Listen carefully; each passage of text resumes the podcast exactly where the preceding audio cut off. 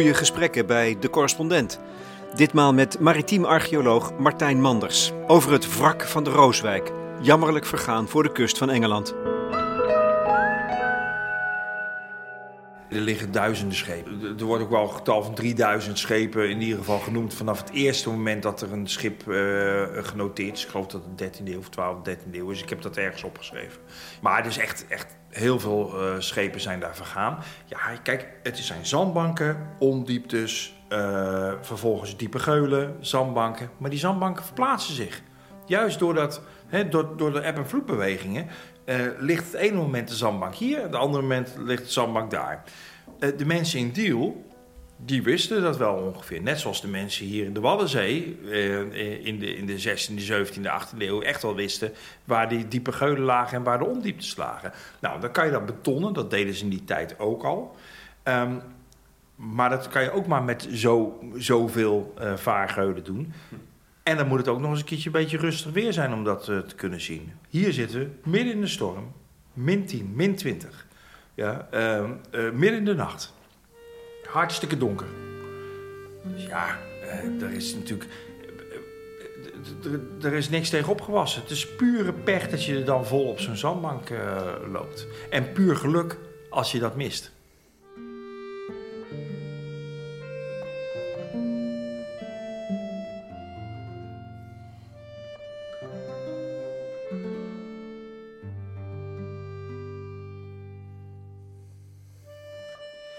Martijn Manders is maritiem archeoloog, werkzaam voor de Rijksdienst voor het Cultureel Erfgoed in Amersfoort.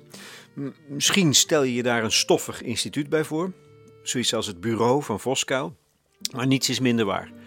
Bij het bewaren van cultureel erfgoed gaat het over veel verschillende opwindende dingen. Macht bijvoorbeeld, en in laatste instantie over de vraag wie zijn wij? Wat leert het verleden over onszelf? En die kwestie is actueel tot in het politieke domein. En er komt nog iets bij. Dit verhaal werpt verrassend licht op A. het bedrijven van wetenschap, maar ook op het klimaat, de vaderlandse geschiedenis en zelfs het sterven. Samen met Laura van der Haar schreef Martijn Manders een meeslepend boek over een scheepswrak, Rooswijk 1740. Het illustere VOC-schip verging anderhalve dag nadat het van Texel was weggevaren in een van de koudste winters die we ooit beleefden. Je volgt het spoor van de mannen die van heinde en verre naar Nederland kwamen om aan te monsteren op de Rooswijk. Dat is de ene beweging. En je volgt tegelijkertijd de archeoloog die duikt naar het schip vanuit het nu. De andere beweging. Die twee komen tenslotte samen in hetzelfde punt. Ik zeg, er zijn maar weinig wetenschappen gebaseerd op sport. Duiksport in jouw geval. Ja, dat is, wel mooi om dat te zeggen. De sport. Nou ja, ik zeg ook wel heel vaak: ik kan niet zwemmen, dus dan duik ik maar. Hè, met een hoop gewichten naar de zeebodem en dan aan het werk. Nou, dat is gekscherend natuurlijk, maar onder water werken is wel zwaar. Dat, dat is gewoon zo. En, uh, en ik merk, ik begin het nu te merken, ik ben 50-plusser. Uh, dus uh, dan, dan, ja, dan voelt het toch anders dan toen ik zo begin 20 was en begon met dit werk. Wat maakt het zo zwaar? Uh, nou ja, al je bewegingen die zijn zwaarder. Dat is sowieso al een, uh, al een feit. Uh, je draagt zo'n 60 kilo aan materiaal met je mee. Die met name heel zwaar zijn op het moment dat je het aan moet doen aan boord van een schip. Een bewegend schip soms. vervolgens moet je naar een kooi toe lopen of je springt overboord. En, nou, in het water is het dan vaak allemaal wat comfortabeler. En vervolgens kom je ook weer omhoog. Hè? En dan heb je de hele tijd door een nou, ik zeg niet door een rietje, maar je bent eh, natuurlijk toch wel beperkt uh, geademd. Dat, leeft ook weer, uh, dat zorgt ook weer voor een hoop energie die je moet verbranden. en hoe raar het ook mag klinken met, als je ons ziet met al die pakken aan, we krijgen het ook koud. Dus je, je, je raakt toch ook onderkoeld. Um, dus daarom kan je ook maar 30 minuten beneden blijven. Nou, dat is niet helemaal waar. Kijk, die, dat, dat ik maar 30 minuten onder water kan blijven, heeft met de diepte te maken. Dus hoe ondieper, hoe langer ik beneden kan blijven. En hoe dieper, uh, hoe korter dat is. En dat heeft te maken met het opname van stikstof in je, uh, in je lichaam. En je lichaam raakt uh, gesatureerd. Dus dus, dus al die, die de stikstof wordt opgenomen en die wil er vervolgens weer uit. Uit je lichaam. En ehm, eh, als je dat, uh, mensen hebben wel eens van Caissonziekte gehoord. Uh, dat heet niet meer zo, dat heet decompressieziekte. maar als je dus langzaam omhoog gaat, dan willen die, die, kunnen die bubbeltjes die kunnen dan naar de longen toe en uitwasemen. Maar als je te snel gaat, dan gaan die bubbeltjes klonteren en die kunnen dan aderen blokkeren. Maar hoe langer je dus beneden bent, hoe meer van die van dat stikstof in, in je lichaam uh, gaat zitten. En dus hoe meer er ook weer uit moet en hoe risicovoller het wordt. om, hoe langzamer je dus moet stijgen juist. Hoe langzamer je moet stijgen. En dan moet je zelfs allemaal pauzes gaan nemen. Dan moet je dus op de 9 meter moet je een stop doen. En op de 6 meter en op de 3 meter. En dan moet je dus heel lang beneden blijven. Het is eigenlijk de, de, de, het spiegelbeeld van hoogteziekte. Daarom vergelijk ik het ook met sport. Bergbeklimmen ja. Die, als je echt hoog komt, dan moet je ook aanpassen uh, als je omhoog gaat. Je komt dan dus in de, in, de, in de zone des doods boven 7500 meter. Ik denk dat jij daar op 25 meter ook in een soort doodzone zit. Nou ja, dat zit je eigenlijk al in één meter. Uh, hè? Want uh, je kan slecht ademen onder water. Uh, nou, er, zijn, er zijn collega's om het leven gekomen met, op één meter diepte. Hè? Dat, dat kan gebeuren. Um, maar inderdaad, uh, wel grappig, um, uh, elke 10 meter die je onder water gaat, hè, dat is, staat gelijk aan het drinken van één glas martini. Dat noemen ze de martini-regel in het duiken.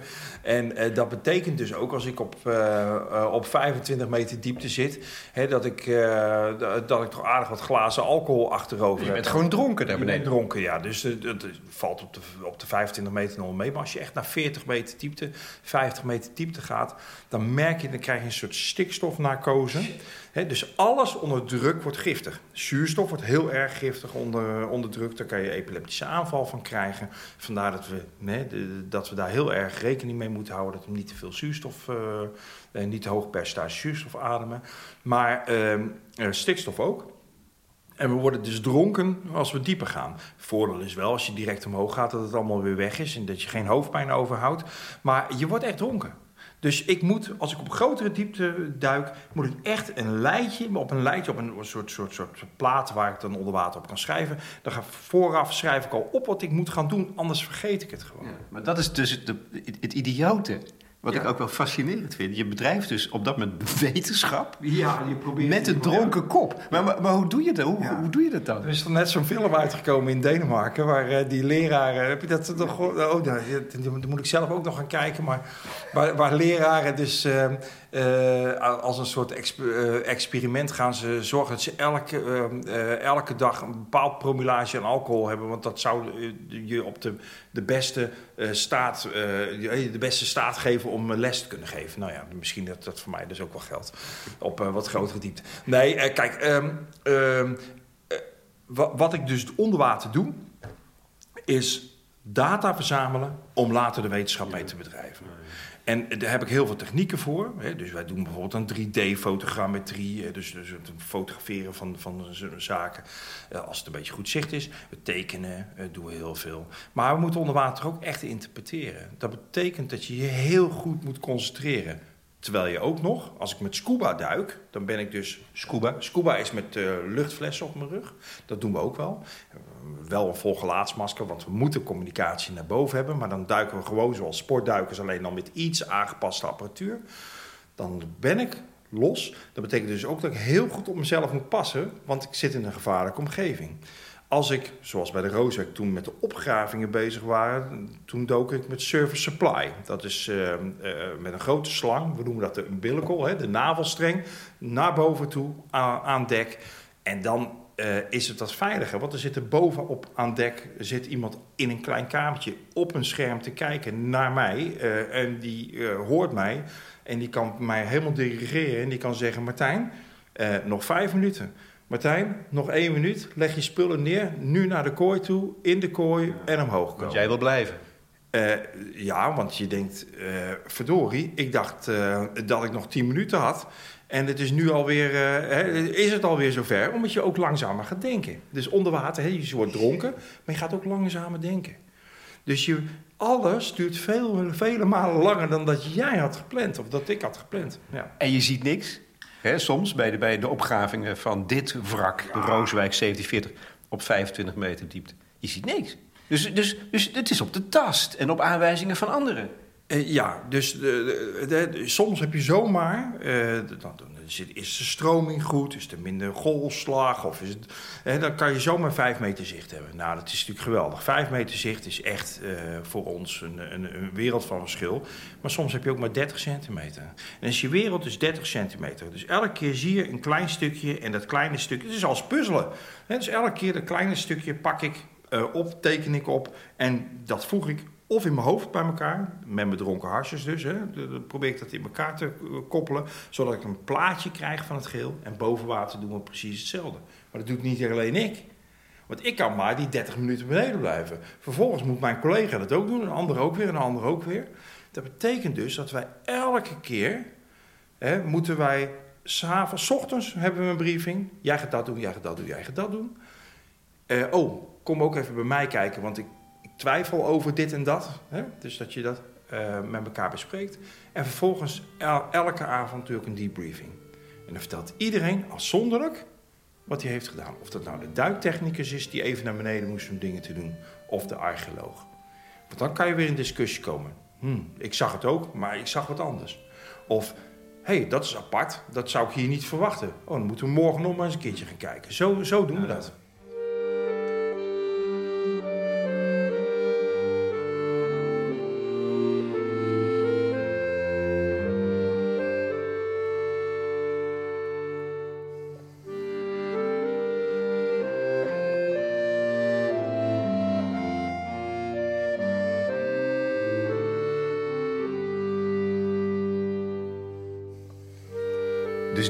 Wetenschap bedrijven.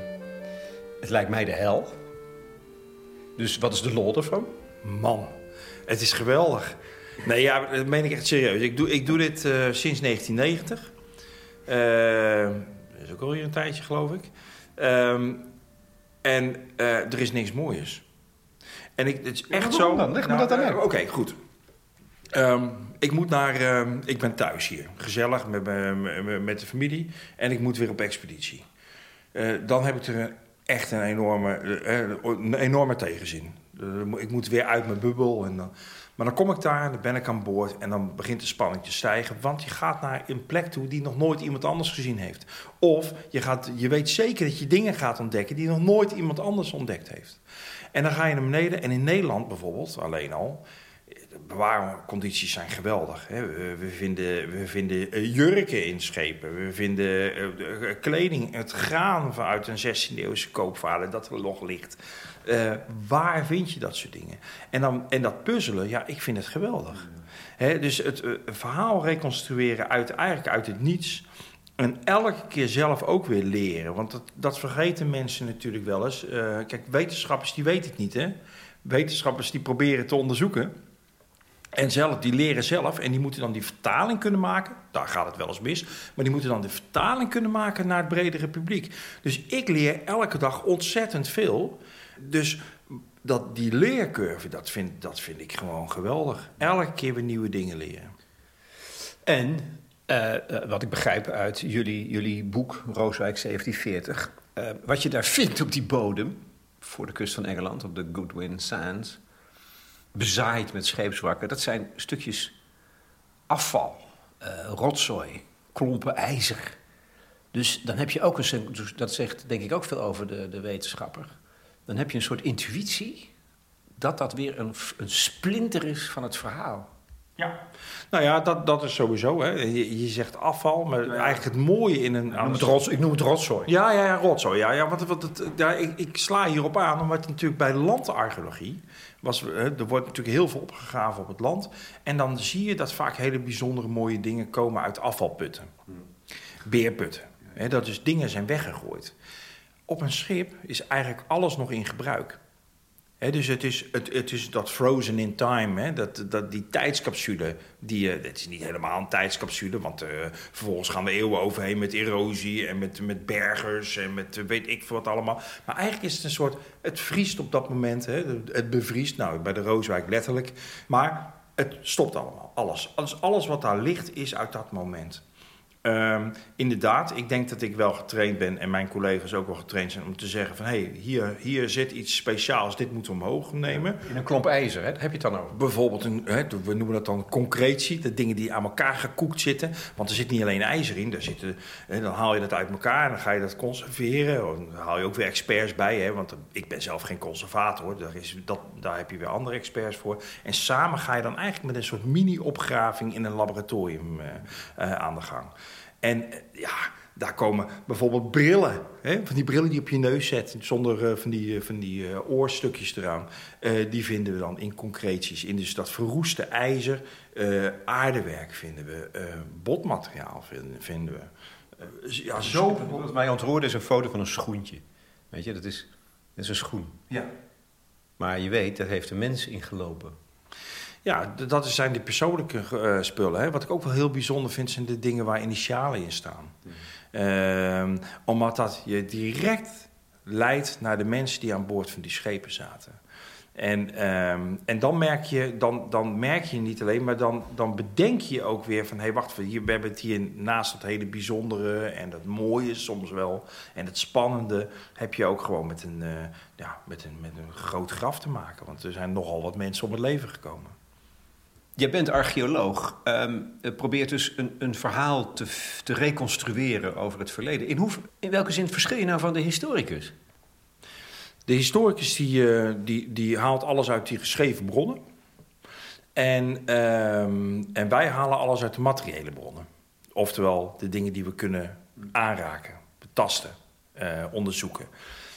Wij hebben eigenlijk per definitie ook heel veel andere expertises nodig die we niet allemaal zelf in eigen huis hebben. Maar wij halen daar mensen bij. Hè. Dus je kan bijvoorbeeld met XRF-onderzoek, mooie naam, hè, maar XRF-onderzoek kan je uh, kijken waar materialen uit bestaan. Dus bijvoorbeeld waar uh, het zilver uit bestaat. Want dat bestaat niet 100% uit zilver, maar er zit ook bijvoorbeeld vervuiling in. En door bijvoorbeeld dat soort dingen te onderzoeken, kan je herleiden waar het zilver vandaan komt. Dus dan kan je de hele handelstromen gaan onderzoeken. Uh, bij geschiedenis kijken we dus vanuit die geschreven bron. En die geschreven bron is altijd geschreven met een reden. Het is altijd subjectief. Is het dan niet belangrijk? Ja, absoluut wel.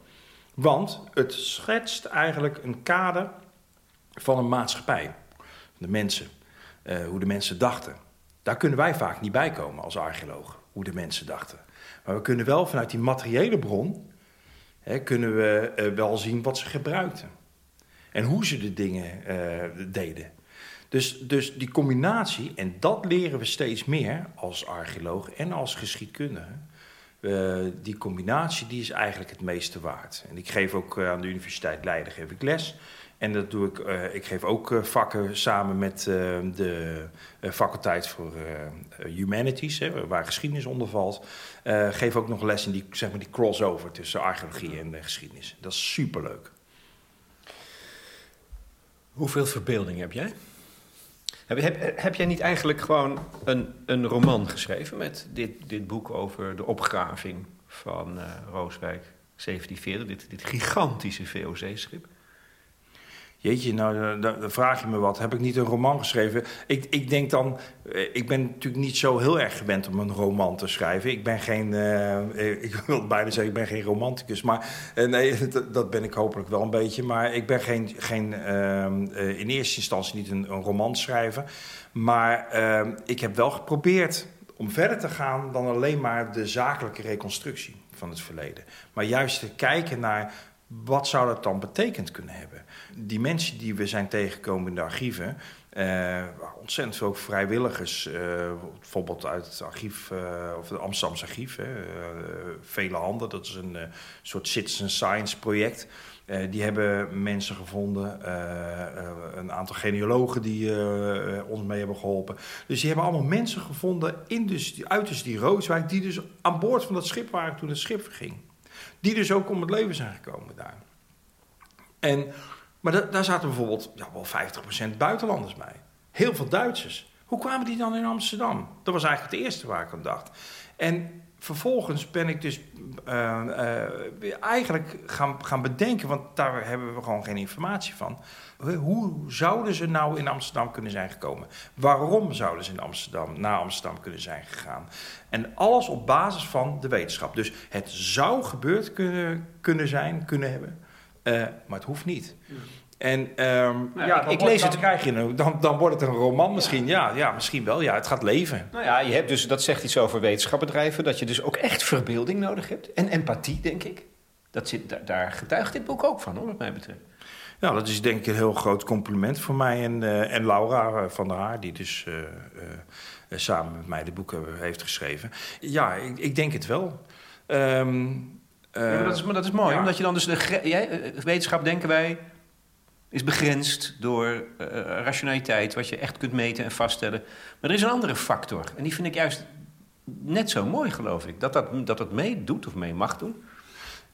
Ja, nou, ja weet je, je, je merkt dat ik naar woorden zit te zoeken, omdat ik het wel een. Uh, ik vind het wel mooi dat je dat zegt. Het, het is.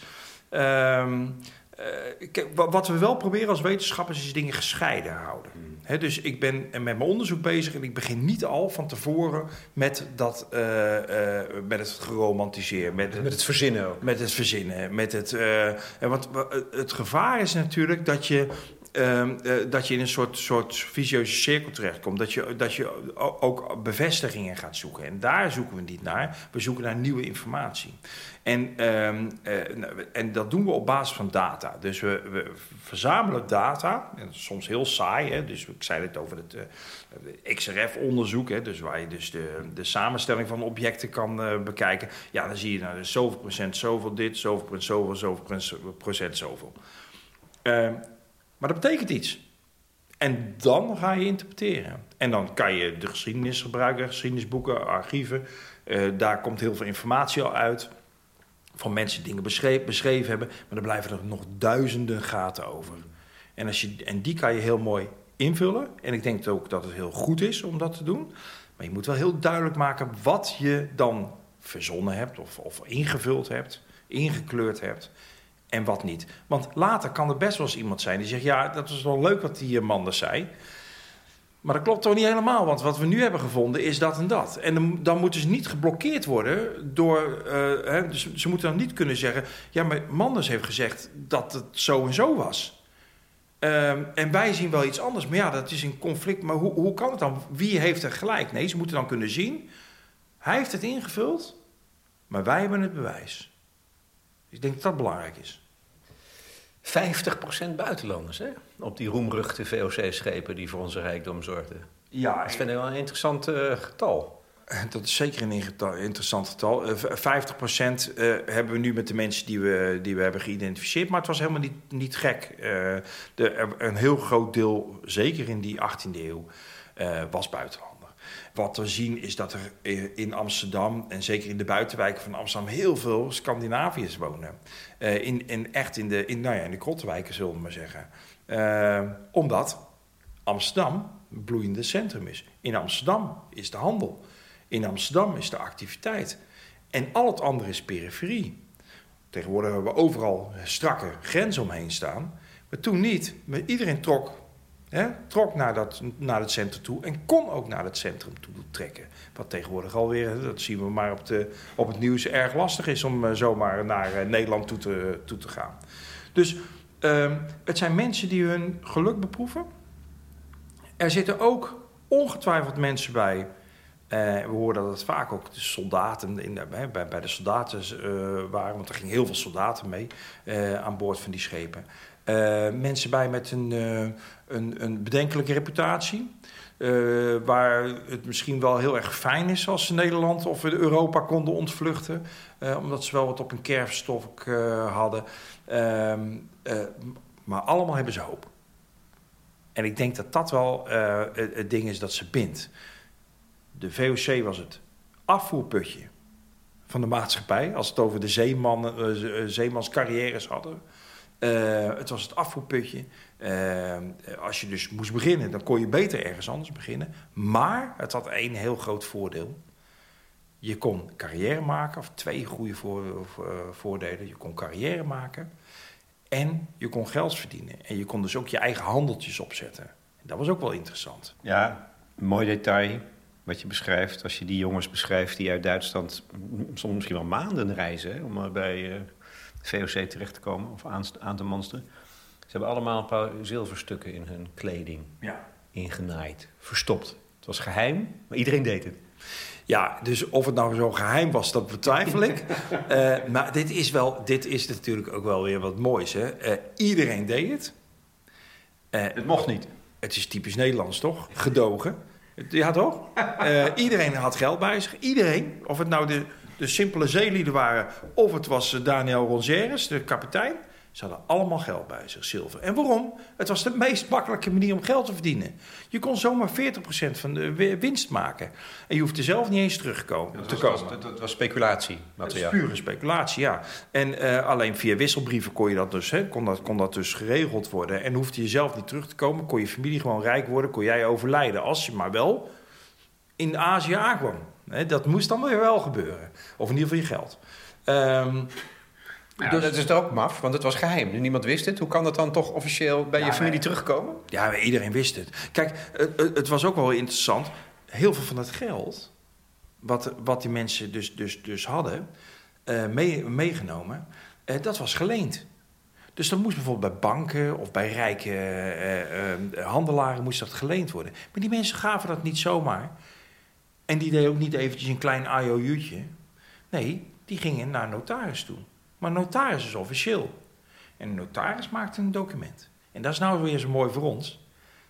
Want die documenten vinden we terug. Met die namen erbij. Dus zo kunnen wij de mensen uh, herkennen. Ging, kwamen die mensen nou, die, van de Rooswijk een uh, paar dagen, uh, anderhalve dag op zee. Ehm, het schip zinkt. Dat betekent dat ze helemaal niks terugkregen. Dat ze dus andere mensen met hoge schulden achterlieten. Wat denk je dan dat er gebeurt? Dat die handelaar zegt hè, de, uh, van nou, laat dat geld maar zitten. Nee, die sleept die mensen voor de rechter. De familie. Die familie. Die al verlies hadden. Die al enorm verlies hadden. Je gaat maar betalen. Dus weer iets officieels. Voor iets wat dus illegaal was. Ja, je kan het je bijna, aan de ene kant kan je het je bijna niet voorstellen. Aan de andere kant, als we nou kijken naar onze eigen samenleving, dan zien we eigenlijk ook wel weer heel veel van dat soort voorbeelden. Dat dingen gedoogd worden, dat ze, hè, uh, nou het meest makkelijk is natuurlijk de hele, de hele uh, uh, verdovende middelenhandel, hè, de hennephandel en zo. Je mag er niet mee, mee handelen, maar je mag het wel kopen en je mag het wel gebruiken. Hè, als particulier. Ja, hoe, hoe doe je dat? Nou, goed. Geleerd van de VOC.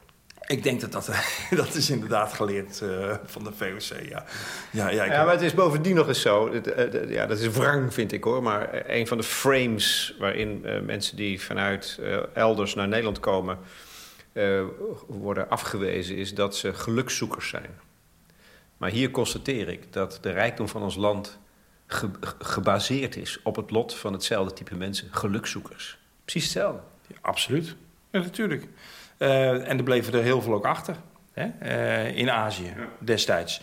En uh, ik wil me even, even verhouden van, van, van, hoe, dat dan, hoe je dan vluchtelingenstroom moet reguleren. Want dat is allemaal niet zo makkelijk natuurlijk. Ehm, maar wat, ik, wat, we, wat we wel kunnen, kunnen stellen is dat Nederland inderdaad en rijk is geworden van al die gelukzoekers die naar Nederland kwamen om te helpen in de grote industrie. Hè, want uh, het bouwen van schepen, het, uh, nou ja, uh, alle, alle om de VOC-activiteiten. daar had je dus een hoop werknemers voor nodig. Die kwamen niet allemaal uit Nederland, hè, herkenbaar. Maar daarnaast ook al die Nederlanders of al die Europeanen die vanuit Nederland naar de rest van de wereld zijn gegaan. En daar volledig geïntegreerd zijn. En soms aparte, zelfs hele aparte bevolkingsgroepen zijn in bepaalde landen.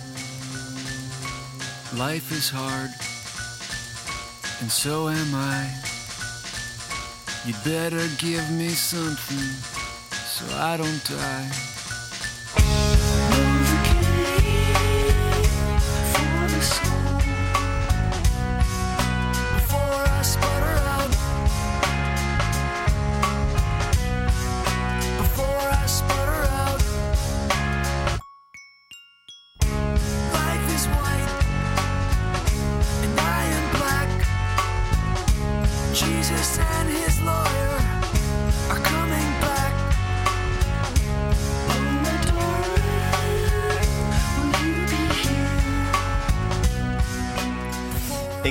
Waarde van jullie boek, Rooswijk 1740, ehm, onder andere ook gelegen in, is in het feit dat het een beeld schetst van wat die VOC inhield. Het leven, de schepen zelf, het leven op die schepen en de manier waarop ongelooflijk veel mensen zijn omgekomen. Wat een wereld. Die kou van die winter. Mhm. We hebben het nu over klimaatontwrichting. Toen was er een, een, een kleine ijstijd. Komt dat, komt dat een beetje over? Als je, het, uh, als je het leest. Want bij het lezen alleen al van historische documentatie erover. Ja, dan, dan, dan val je ze wat achterover. Hè? Mensen die dus um, als schaatsend bevroren en overleden. Kan je het je voorstellen? Ongelooflijk. En dan kijken naar het materiaal. Kijk eens naar de kleding die mensen aan tegenwoordig hebben we al dat uh, insulated uh, uh, spul. En, en, en, kunnen we onszelf net, net aan warm houden. Hadden ze allemaal niet. En dan denk ik dan eens aan dat ze op een schip zaten waar alles nat was. En, dus, dus, en, en je kleren ook nat werd. En je moest toch aan het werk ik, ja, ik kan het me bijna niet voorstellen hoe, hoe verschrikkelijk dat moet zijn geweest. En dan zegt zo'n kapitein van een ander schip, die het wel overleefd had, hè, van de, die zegt van ja, eh, de schepen waren bijna niet meer te besturen. Want elke keer als iemand een touw vastpakte, brak die eh, in zijn handen. Ja, me dunkt, dat is henneptouw. En dat henneptouw dat was nat. En dat was dan bevroren met min 10, min 20. En verbreekt dan als, als, als ijspegels door de midden. Ongelooflijk. Ja, je, je vraagt je af hoe, hoe, hielden ze dat überhaupt vol? Hoe hielden ze staande? Die, jongen, die jongens die, die, die ook soms, hè, zoals je ze beschrijft, geen eens ervaring hadden op zee. Die werden dan zo'n zo'n schip opgeschopt en moesten dat soort dingen doen. Ja, dat, is onmenselijk. Ja, onmenselijk. En ik, je moet dus een hele zware drijfveer hebben om, om dat te kunnen doen. Of je, je ziet de pot met goud aan het einde van de regenboog. Uh, of je bent wanhopig. Of je bent wanhopig, precies. Je kan, je kan in ieder geval niet terug. Dan maar vooruit. Um, maar het is, het is wel indrukwekkend, ja. Wat die, wat die mensen moesten voortduren. En dan uh, acht maanden lang, hè. Uh, want hier was de kou. Verderop was de hitte. En de stank. En de tropische ziektes. Ja, waanzinnig. Ze varen af vanaf Texel in de koudste winter van die eeuw. Uh, met vertraging. Ze zijn eigenlijk al te laat. En dan gaat het mis, hè? Hoe, hoe kan het dat het misgaat binnen anderhalve dag? Um, ja, je, je, zei het al heel goed, hè? ze waren aan het wachten, aan het wachten, aan het wachten. Oh, denk trouwens niet dat ze dan betaald worden. Hè? Dat is allemaal wachten op eigen kosten. Uh, pas als het schip vertrekt, dan, uh, dan, dan gaat meter lopen. Um, dus ze moesten wachten, wachten, wachten. Maar iedereen wil natuurlijk heel graag weg. En hoe langer je wacht, hoe groter het risico dat je op een verkeerd moment uh, op Kaap de Goede Hoop bent. En dan, en dan kan je bijvoorbeeld in verkeerde windrichting terechtkomen. Of in de labberkoelte. Dat is de, de, de, conditie waarbij er eigenlijk helemaal geen wind is. En waar je dus maar zit te dobberen. Waar ze soms uit ellende, maar met kleine roeibootjes proberen het schip voor te trekken. Om maar te hopen dat ze ergens in een gebied terechtkomen waar wel wat stroming is en, en wind is. Dus, dus je moet echt wel rekening houden met de tijd. En waar wachten ze op? Uh, op een juiste wind om uh, weg te varen. Want uh, dit soort dwarsgetuigde schepen hebben niet zoveel mogelijkheden om te manoeuvreren. Dus men wachtte op een oosten-noordoostenwind. En nou ja, die komt er op, een, op een gegeven moment. Maar noord-noordoost betekent ook wel nog meer extra kou. En dat hebben ze geweten. en dat blijkt ook niet een windje te zijn. Maar dat blijkt een hele zware storm te zijn. En dan zitten ze op de Noordzee. En dan zijn er twee die terug kunnen komen. Eentje die nog net uh, in, uh, in een haven in uh, Engeland terecht kan komen. Maar ja, van die Rooswijk horen ze nooit meer wat. En we weten nu dat hij dus is vergaan op de Goodwin Sands. Um, en dat is een, een, een grote zandbankengebied. De Great Ship Swallower wordt je ook wel genoemd. Uh, een beetje zoals we dat in de Waddenzee ook wel hebben. Uh, maar de Waddenzee is wat beschermder. Daar ligt het eigenlijk gewoon open water. En op de hoek van Engeland, hè, bij Kent, Daar liggen dan die zandbanken van de open zee, boem in één keer tegen die zandbanken aan. Nou, dat is precies wat met de Rooswijk ook gebeurd is. Men wist dat toen al, omdat er spullen aanspoelden, waaronder ook brieven. Uh, een kist met brieven uh, van, de, van de Rooswijk bij Deal. En daardoor heeft men kunnen reconstrueren dat dat de Rooswijk moest zijn. Ja, en het schip was natuurlijk ook verdwenen. Ehm, dus, ehm, dus zo heeft men dat wel toen ontdekt. Maar het schip zelf is nooit meer teruggevonden.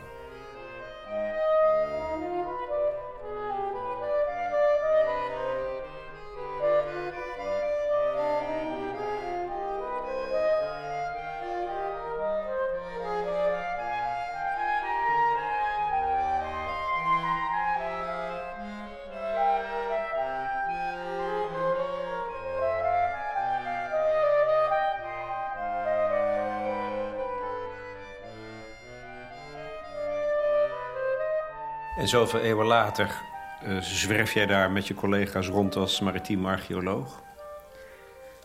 Wat in feite een gigantisch kerkhof is dus daar op de bodem van de zee. En dat zie je, je ziet het allemaal. Je, kan, je hebt zoveel voorstellingsvermogen dat je ook de tragiek van al die, die lotgevallen kent. Dus hoe, hoe is dat eigenlijk? Wat betekent dat dan? Ja, het is het, eh, heel, een heel bijzonder gebied. Sowieso is het een heel bijzonder gebied. En ik... Uh, Um, in, in, in, nou, in, in 2017 was dat, even kijken, klopt dat? Nee, dat was 2018. Toen ben ik op de Goodwin Sands geweest tijdens die opgravingen, terwijl het extra laag water was. En dan komen in één keer al die zandbanken tevoorschijn. Als een soort draak, hè? dus die zie je allemaal van die heuveltjes met uh, zand zie je boven het water uh, uit. Een soort Atlantis dat opeens boven komt of zo. Precies. Het was toen windstil. Uh, en met die zon die dan op die zandbanken scheen, het was echt het mooiste gebied van de hele wereld. Het was fantastisch en vredig. En, en, en je hoorde dat water heel klein beetje zo kabbelen tegen die randen van die zandbank aan. Dan is er niks gevaarlijks aan. Dan ziet het er liefelijk en fantastisch, ma majestueus ziet het eruit. Um, maar dan komt het water weer omhoog. En we hebben er ook met, een, uh, met, met zwaar weer gezeten. Sterker nog, uh, een paar maanden geleden zat ik er, uh, of een maand geleden zat ik er nog met zwaar weer. Uh, uh, en dan merk je in één keer hoe uh, gevaarlijk het is. Want dan slaan dus die grote golven, hè, die slaan op die zandbanken en op de ondieptes, die soms ook onder water liggen. En dan krijg je enorme van die schuimgolven. en dan, dan, nou, dan laat eigenlijk dat gebied zijn tanden zien. En dan zie je hoe gevaarlijk, hoe gevaarlijk dat is. En je, beide, op beide momenten dat ik, dat ik me ook echt aan, echt aan de mensen moest denken die daar overleden zijn. Beide momenten. Het ene moment, dus tijdens dat ruwe weer. Uh, van, oh, nou, uh, dit, dit begint een beetje te, te lijken op dat moment waarop die Rooswijk, een beetje hoor, de Rooswijk vergaan is. En het andere moment, dat hele rustige met die zon en die, en dan, dan, dan voelt dat serene, ja, dat, dan voelt het een beetje als een begrafenis. Het is heel stil. Je hoort helemaal niks. Je kijkt eens over dat. En dat is echt een moment van gedenken en herdenken. En dit zijn dus heel veel schepen. Met heel veel bemanningsleden. Mensen die om het leven zijn gekomen. Maar daarnaast ook nog eens een keertje heel veel vliegtuigen. Uit de Tweede Wereldoorlog. Die ook er allemaal in het gebied zijn neergekomen. Dus. Je daar, word je daar dan ook somber van? Mm, nee, als ik heel eerlijk mag zijn, niet. Het is wel dat ik daar dat, dat is, somber is een verkeerd woord. Um, je, je, doet wel een reflectie. En, uh, over de kwetsbaarheid van de mens. Over de kwetsbaarheid van de mens, over de offeringen die mensen hebben moeten doen om, uh, om gewoon een brood te kunnen verdienen. We leven natuurlijk in een. Wij Nederlanders leven in een, in een periode waarop eigenlijk alles normaal lijkt te zijn. Hè? Uh, uh, mijn kinderen hoeven zich eigenlijk nergens zorgen over te maken. Maar ehm, als je je dan bedenkt dat er, dat er jongetjes van, van zes, acht jaar aan boord van een schip mee moesten. Ehm, dat, eh, en dat zien we ook nu. We vinden steeds meer mensen eh, terug van die Rooswijk nog steeds. En dat vind ik ook wel heel interessant. We zijn nu net naar de lijsten van de weeshuizen gaan kijken. Uh, met wij bedoel ik dus met name ook weer die, die genealogen en de mensen van het Amsterdamse archief en zo. Dat soort, dat soort mensen.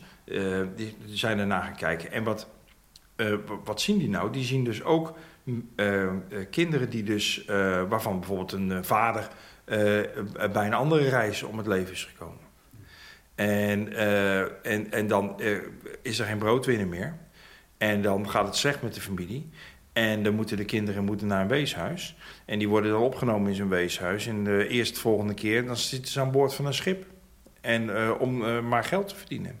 Of omdat dat ze dat rechtstreeks vanuit de familie zeggen. Dan, dan zitten ze niet in een weeshuis. Maar dan zeggen ze nou, uh, weet je wat, ga jij maar aan boord van het schip. Ga maar mee aan boord. En dan, uh, dan kan jij je geld verdienen. Jonge kinderen, eigenlijk. Die dan daarom het leven komen. Daar wordt jullie boek, vind ik, groots en huiveringwekkend. Omdat je zit in een soort fuik. Ik zei het al, je hebt twee bewegingen. Vanuit nu duik je naar dat wrak. Maar je beschrijft ook de levensverhalen van een aantal mensen die daar ook terecht zullen komen. Dat weet je van tevoren. Maar je gaat heel ver daarin mee. Hè? Tot op het moment dat die mannen, jongens, kinderen dus ook, sterven. Dat vind ik wel een daad van, van eigenlijk een daad van empathie. Ja, en, en eigenlijk wordt je zelf als schrijver erin meegezogen. Ja, dat is wel, dat is wel uh, apart. Uh, je moest daar naartoe, je moest dat meemaken. Nou, je begint eerst het, eh, ja, je moest dat meemaken. En het, eh, eh, het opvallende is, als je vraagt dit nu, hè, dus ik moet daar zelf ook wel over nadenken, maar je gaat eerst mee op avontuur. Dus Thomas Huidenkoper, die vanuit Friesland met zijn ouders naar Amsterdam verhuist. daar gaat het niet goed met zijn vader. En vervolgens eindigt hij op de Rooswijk. je gaat mee op avontuur. Het is spannend, alles is spannend, alles is nieuw, alles is mooi. Je, je, je bedenkt je hoe dat zou kunnen zijn en, en je ziet zo'n groot schip. Nou, ga allemaal ook eens een keertje naar uh, Batavia land toe en kijk eens naar de Batavia die, die gereconstrueerd is. Of uh, uh, naar het Scheepvaartmuseum in Amsterdam, daar, daar ligt een replica van de Amsterdam. Dan zie je in ieder geval de grootte van zo'n schip, wat best groot is. Maar in verhouding met een containerschip natuurlijk helemaal niks. Maar dan, dan zie je hoe, hoe, hoe zo'n schip in elkaar zit. En dan kan je al dingen gaan fantaseren. Maar dan kom je bij het onvermijdelijke uiteindelijk terecht. Het is heel stom, hè, want je weet het van tevoren. Maar je komt bij het onvermijdelijke terecht. En, dan, en, en omdat je dan zo lang al meereist met zo iemand, met zo'n Thomas... Uh, ja, dan wilde ik in ieder geval weten hoe het afliep. En dat betekent ook zelf heel goed onderzoek doen, je ze vragen stellen. Dat is misschien dan toch een beetje de wetenschapper. Maar wat is dat dan? Hoe gaat dat dan? Wat is dat dan, uh, doodvriezen of uh, die, kou? Wat doet die kou met zo'n lichaam? Wat ontdekt hij? Wat verbaasde je? Dat kan je ook vragen het meest in dat proces. nou... Je kan, dus- ik denk dat jij het je kan voorstellen, ook dat soort dingen, omdat je ook duikt. Uh, omdat je, om, ja, ja, ja, dat is, dat, dat is zo. Uh, al moet ik wel zeggen dat de, de keer dat ik het dichtste bij, bij zoiets heb gezeten... niet met de duiken was, maar meer na, naar aanleiding van een optreden... die we gehad hadden in Middelburg, in Zeeland. Als muzikus dan als, opeens? Als muzikus. En, en, en we bij, op, een verkeerde plek waren afgezet door de taxichauffeur... Uh, en we God niet meer wisten waar we naartoe moesten. En daar echt een, een, een, anderhalf uur buiten hebben gestaan bij, een, bij, bij, een, bij een sluis. en niet meer wisten waar we naartoe moesten. En toen had ik echt zoiets van, laat mij maar hier, ik wil slapen. we hadden ook iets te veel gedronken. Laat mij maar slapen hier. Hè? Dus dan, je, wordt, je wordt dus op een gegeven moment... Ik denk dat je ook op een gegeven moment dat het allemaal uh, het gaat redelijk geleidelijk. Um, en, je, je, gaat verlangen naar slapen. Je wil slapen. Je wil, het, het, is, het is wel goed zo. Hè? En, en, ik ga hier niet meer tegen invechten. dat probeer je natuurlijk. Je probeert te overleven. Je wil leven. Maar uiteindelijk is dat niet meer zo. Op een gegeven moment, ik denk dat je dan in je onderbewuste misschien. Uh, die, die, nou ja, je geeft die strijd op en, en dan is het wel oké. Dat klinkt misschien een beetje raar, maar ja, je, je, ja. je accepteert het. Uh, op een gegeven moment is er een bepaalde vorm van acceptatie. Um, uh, en, en, en je hebt mensen die dat, dat dus niet hebben. En dat gebeurt ook in het boek. mensen die dus echt op, tegen, tegen beter weten in proberen die laatste strohalmen vast te pakken. En maar te gaan lopen. En, maar je hebt ook mensen die denken, die, die, die gaan zitten. En die op een gegeven moment denken, ja, nou ja. Het onvermijdelijke. Het is zo, ja.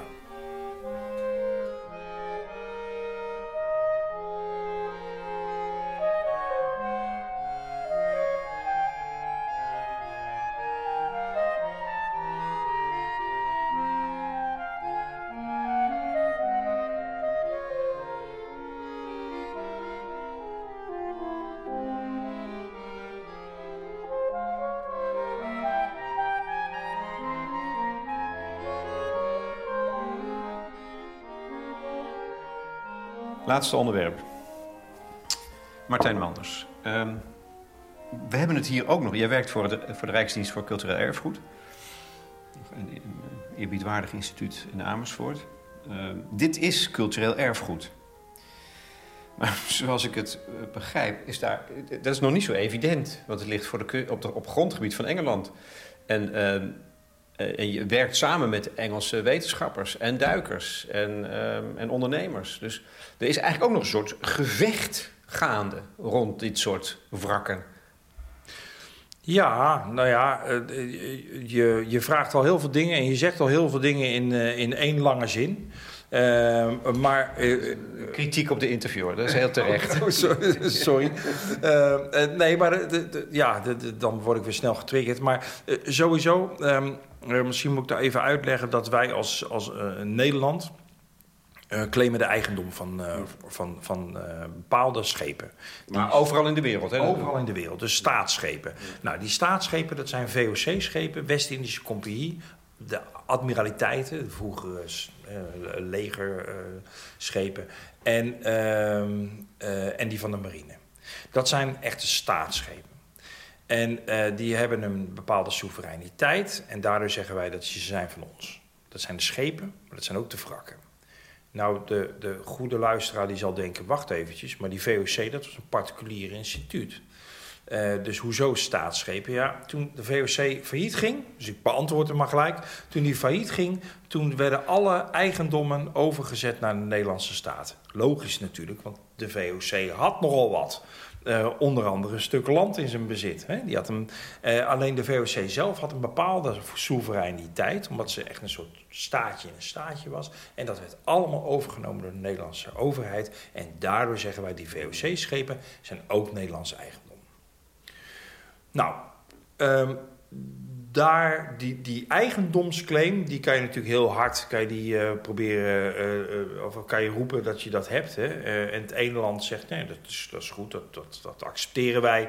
sterker nog, wij hebben ook um, schepen in jullie wateren liggen die, die wij claimen. Dus misschien kunnen we goed op mekaars erfgoed letten. Er zijn ook landen die zeggen, Amahula helemaal niet. Dat accepteren wij niet. Of, of de piraten, de, de particulieren, zoals bij de Rooswijk ook gebeurd is, die zelf gaan duiken en per veiling op, uh, verkopen. Ja, dat is weer een heel ander punt. Daar kom ik zo, mag, ik daar zo, mag ik daar zo op terugkomen? Want dat ik wil te veel, ja. ja nee, dat, je wil inderdaad te veel. Want uh, ik, dus de andere landen die kunnen zeggen van, nou ja, goed. De, de, en dat heb je met name ook met de oude koloniaal, hè, de andere landen die, die vroeger Nederlandse kolonie zijn geweest. Die zeggen, ja, jullie hebben ons destijds al bezet gehad. Ja, en nu claimen jullie ook nog een keertje goedigen die daar uh, liggen. Uh, echt niet. Ze zijn nu van ons. Nou, die hebben natuurlijk ook wel weer een punt. Wat belangrijk is in onze eigendomsclaim, en zo hebben we dat nu ook ingericht, eh, tot uh, 2007 niet, en daar kom ik dan zo op terug. Maar hoe we dat nu hebben ingekleed, is we hebben gezegd: kijk, waar het om gaat, is dat wij met name uh, die eigendom inzetten om een goed beheer te plegen. Nou, het ene wrak, Denk aan de scheepswrakken uit de Tweede Wereldoorlog, die in de Javazee lagen en die dus voor een groot deel geroofd zijn, hè, voor, voor metaalberging. Ehm, bepaalde wrakken die, die, hebben een bepaalde, die hebben een waarde omdat ze een, een zijn. Nou, dan zeggen wij, wij claimen dit, dit wrak. Want wij willen dat mensen daar met een bepaalde piëteit, een bepaalde verantwoordelijkheid mee omgaan. En we willen daar een soort ja, een, gedenkplek van maken. En dan gaan we dus samen met het land in gesprek over hoe we dat kunnen gaan inrichten. Dat is een laatste redmiddel, een soort vangnet. We kunnen ook zeggen, uh, uh, nou, eh, dit is een wrak wat van hele hoge archeologische waarde is. We kunnen er heel veel over ons verleden van leren. Maar hij ligt bij jullie in jullie wateren. Maar wij willen wel meehelpen om dat schip op te graven, te onderzoeken. Nou, bij de Rooswijk hebben we gezegd: uh, een schip wat, uh, wat we uh, heel interessant vinden. de Engelsen hadden gezegd: ja, we hebben hem beschermd. Maar we zien dat hij door, de, door de natuur eigenlijk naar zijn uh, gaat.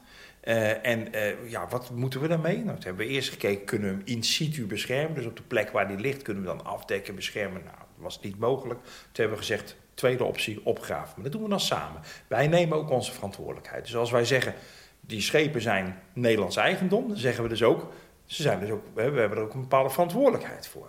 Nou, dat hebben we dan gedaan. Um, dat er ook mensen uh, op schepen duiken en spullen wegnemen, particuliere mensen, en dat uh, ter veiling brengen.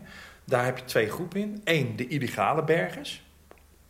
Illegaal, altijd fout. En je hebt de legale bergers. En de legale bergers, die had je tot, een, tot 2007, kon je in Nederland uh, gewoon een bergingscontract aanvragen bij dat was het ministerie van Financiën. Uh, want immers, het ministerie van Financiën heeft ook uh, de afdeling domeinen en alles wat van de Nederlandse staat is, kan ook weer verkocht worden. Of het nou een huis is, of het nou de auto's uit het leger zijn, of een, uh, een onderzeeër of misschien een historisch wrak uit, uh, van de VOC. We kunnen het allemaal verkopen en dat is nou precies wat men deed. Maar wij hebben toen bij, zijn bij elkaar gezeten, ook trouwens met het ministerie van Financiën, ook met Buitenlandse Zaken en met het ministerie van OCW, waar ik dan werk, hebben we gezegd van nee, wat nou het meest belangrijk is, dat dit erfgoed is. En dat erfgoed is er voor iedereen. Dat kunnen we niet particulier gaan verkopen. Dat kan gewoon niet. Dus laten we daar nou mee stoppen. Dus we zijn met z'n allen, hebben gezegd, dat doen we dus niet meer. We hebben tegenwoordig een wrakkencommissie waar we alle activiteiten eh, op welke wrak ook in de wereld dat van Nederlands eigendom is, bespreken. En zo gaan we tegenwoordig hand in hand huppelend door het leven en gaat het allemaal wat dat betreft goed. Maar die Rooswijk is de laatste geweest waar zo'n commercieel bergingscontract was. En, uh, en dus, het, dus er zijn stukken, met name heel veel zilver, zilveren munten, zilverbaren, uit het vak gekomen. En die zijn uh, op een veiling terechtgekomen. Dus als je tegenwoordig nog goed zoekt, kan je nog steeds een munt van de Rooswijk kopen op een veiling. Nou, dat is mooi. Duiken in ons eigen verleden, letterlijk in zee. Duik, duik je ook nog eens voor je lol eigenlijk? Ik duik altijd voor mijn lol en ik duik nooit voor de sport. Met andere woorden, ik ga nooit, eigenlijk zelden. Uh, het komt heel soms wel eens een keertje voor, maar ik ga. Uh, misschien ben ik te veel een, een, een, een workaholic om, om nog echt voor lol te gaan duiken. Maar ik doe het wel met heel veel plezier. Het werk, werken onder water is fantastisch. En er zijn zoveel locaties in de wereld, en in Nederland alleen al, maar, maar waar dan ook in de wereld, waar we zoveel over ons verleden kunnen, kunnen leren. Joh, ik raak nooit, nooit, nooit uitgeleerd.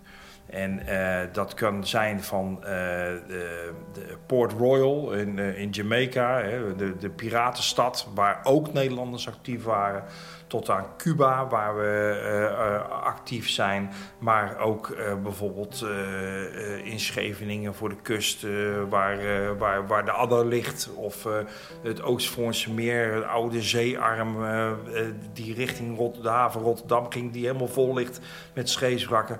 En al die scheepswrakken hebben een verhaal. Dat zeg ik, die hebben wel duizenden verhalen. En het is voor ons de kunst om die naar boven te halen en mensen daarvan te laten genieten, maar dat ze dan toch ook wat leren over hun eigen verleden. Meeslepend, dankjewel. Geen dank.